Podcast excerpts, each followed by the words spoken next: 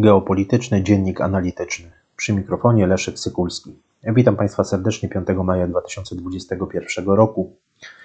Chciałbym dziś y, przybliżyć nieco światowe wydatki zbrojeniowe w roku 2020. Pretekstem do nagrania dzisiejszego odcinka jest raport SIPRI, czyli Sztokholmskiego Instytutu Badań nad Pokojem, który ukazał się w zeszłym tygodniu, 26 E, kwietnia. Według tego raportu całkowite globalne wydatki e, wojskowe wzeszły w zeszłym roku do blisko 2 bilionów dolarów. Ma to stanowić wzrost o 2,6% e, w porównaniu z rokiem 2019. Biorąc pod uwagę, że mm, według prognoz Międzynarodowego Funduszu Walutowego globalny produkt krajowy brutto w zeszłym roku skurczył się o blisko 4,5%, no to rzeczywiście mamy tutaj, można powiedzieć, istotny wzrost wydatków zbrojeniowych. Y, faktem jest, że część y, państw obcięła swoje wydatki wojskowe mm, w związku z ogłoszoną przez Światową Organizację Zdrowia pandemią COVID-19 i przyjętymi różnego rodzaju obostrzeniami, mm, które wpłynęły właśnie na ograniczenia wydatków wojskowych. I tutaj CIPRI podaje, że do, tych, do, do tego kręgu państw spokojnie można zaliczyć Federację Rosyjską, Brazylię, Chile czy Koreę Południową.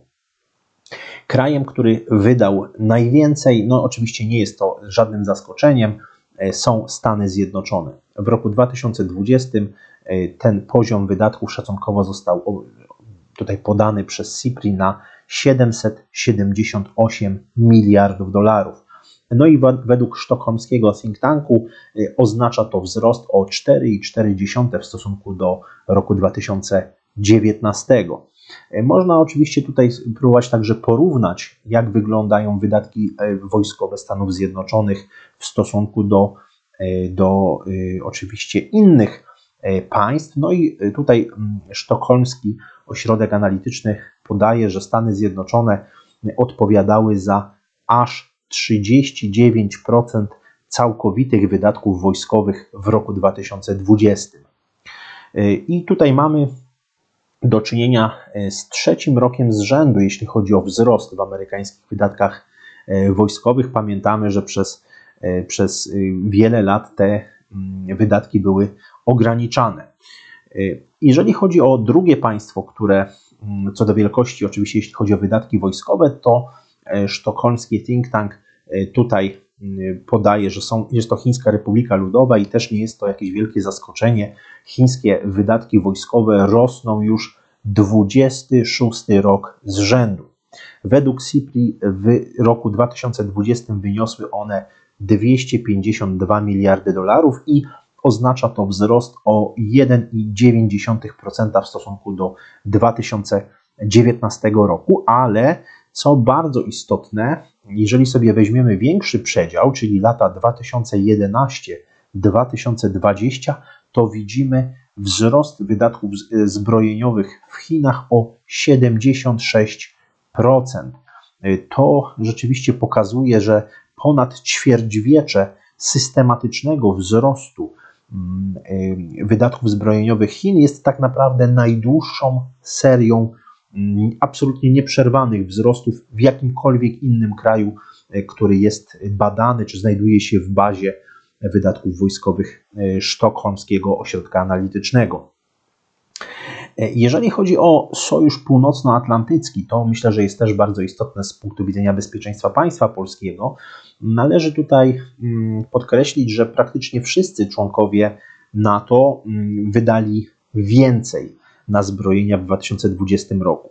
Mm, tak naprawdę y, wśród czołówki y, państw NATO, jeśli weźmiemy 12, y, to, to, wy, to możemy spokojnie zobaczyć, że 12 członków NATO wydało 2% lub więcej swojego PKB, co oczywiście jest, jest istotnym czynnikiem tutaj pokazującym właśnie ten trend wzrostowy.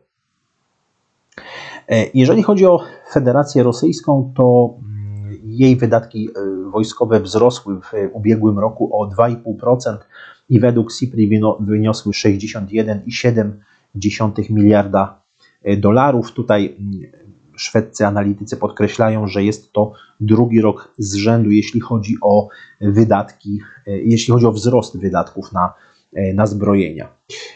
Jeżeli chodzi o jeżeli chodzi o Wielką Brytanię, to, to ten piąty wynik na, na liście zapewniło wydatkowanie blisko 60 miliardów dolarów.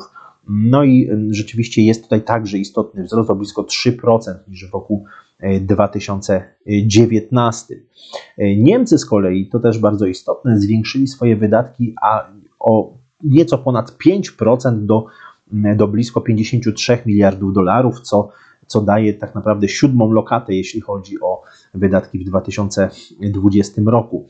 E, oczywiście, jeżeli chodzi o kraje azjatyckie, czy też szerzej obszar Azji i Oceanii, to e, tutaj wśród państw wydających najwięcej znalazły się Indie, blisko 73 miliardy dolarów, Japonia, blisko 50 miliardów dolarów, Korea Południowa, e, blisko 46 miliardów dolarów i Australia 27,5 miliarda dolarów.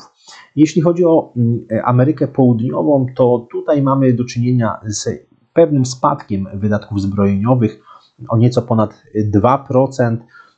I, e, i, I, to jest bardzo, bardzo charakterystyczne. Tak jak wspomniałem, między innymi Brazylia jest tym państwem, które zaczęło wydawać, e, wydawać mniej.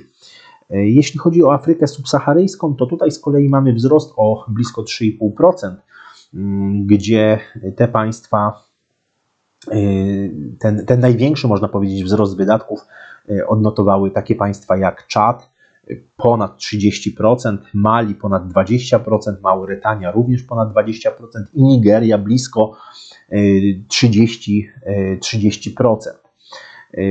Oczywiście ten, ten powiedziałbym ranking, który co roku przygotowuje CIPRI, ma swoich bardzo wielu krytyków. Ma swoich bardzo wielu krytyków i Mm, możemy y, tutaj przytoczyć chociażby mm, jeden z amerykańskich portali związanych z obronnością, Defense One, który w roku 2020 wskazywał na to, że wiele właśnie tego typu rankingów tak naprawdę zaniża chińskie wydatki na obronę. Podkreślali tutaj analitycy, konkretnie Frederico Bartels, y, Defense One, że Y, tak naprawdę trzeba uwzględniać prawdziwą siłę nabywczą y, i ta tak naprawdę plasuje Chiny o wiele, o wiele wyżej, jeżeli chodzi o te realne wydatki, wydatki zbrojeniowe. Skąd zdaniem amerykańskiego portalu pojawiają się te błędy analityczne? Ponieważ mm, zdaniem tutaj Amerykanów różnego rodzaju badania y, opierają się na prostym przeliczaniu mm, podawanego oficjalnie budżetu obronnego, no na przykład właśnie chińskiego. I te proste przeliczenie z juana na dolary y, przy zastosowaniu rynkowego kursu wymiany no absolutnie nie daje prawdziwego obrazu, wręcz odwrotnie, daje zniekształcony y, obraz, nie uwzględnia realnej siły nabywczej.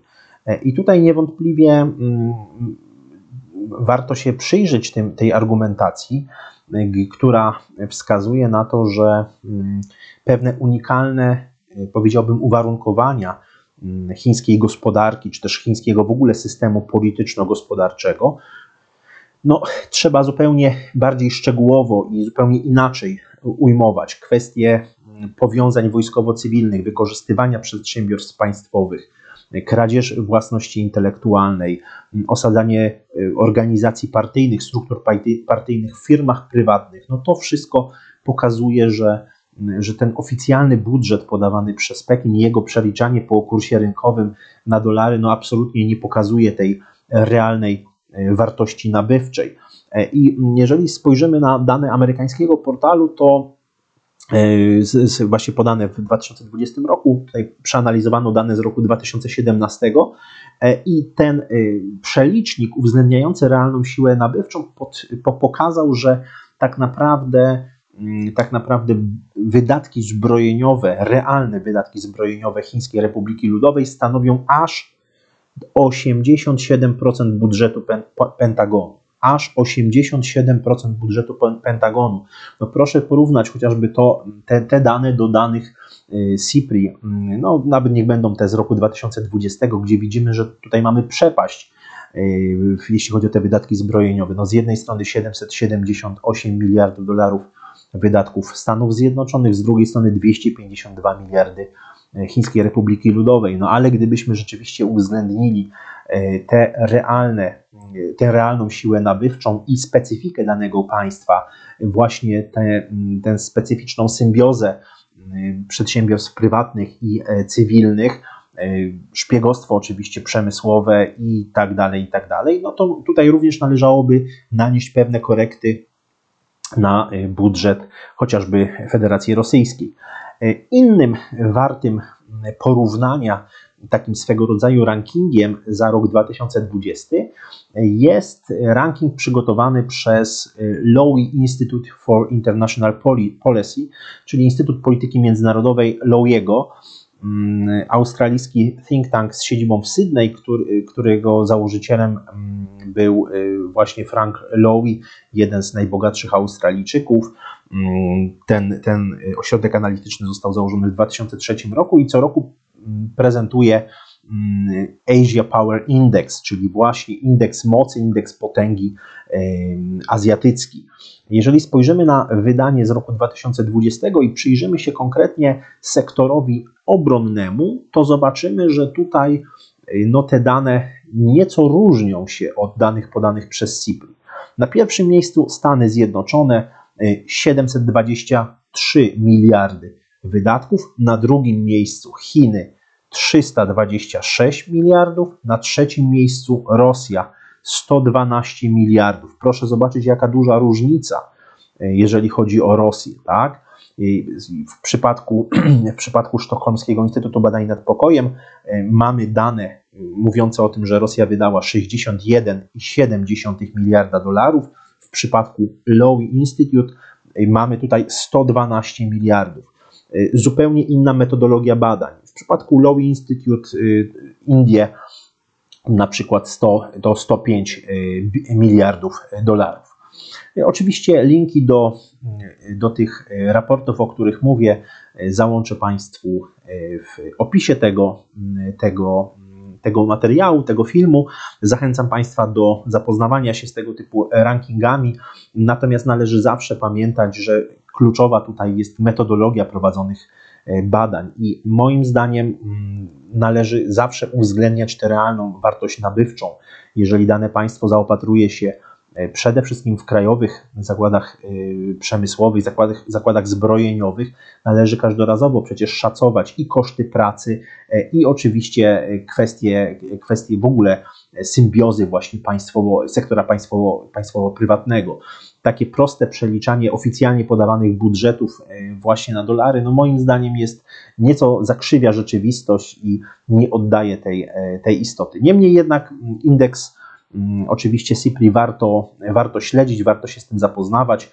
Sam trend niewątpliwie, jeśli chodzi o wydatki zbrojeniowe na świecie, jest, jest rosnący, co już wiele mówi tak naprawdę o tych procesach geopolitycznych dzisiaj na świecie. Moim zdaniem potwierdza to, że mamy do czynienia z, ze zmianą geopolityczną, z, także z konfliktem hegemonicznym. To sam fakt, że Chińczycy od 26 lat tak naprawdę odnotowują stały, nieprzerwany wzrost na wydatki zbrojeniowe, już bardzo wiele mówi o, o tym miejscu e, w procesach geopolitycznych i o tej koniunkturze geopolitycznej, e, w której, której oczywiście jesteśmy obserwatorami.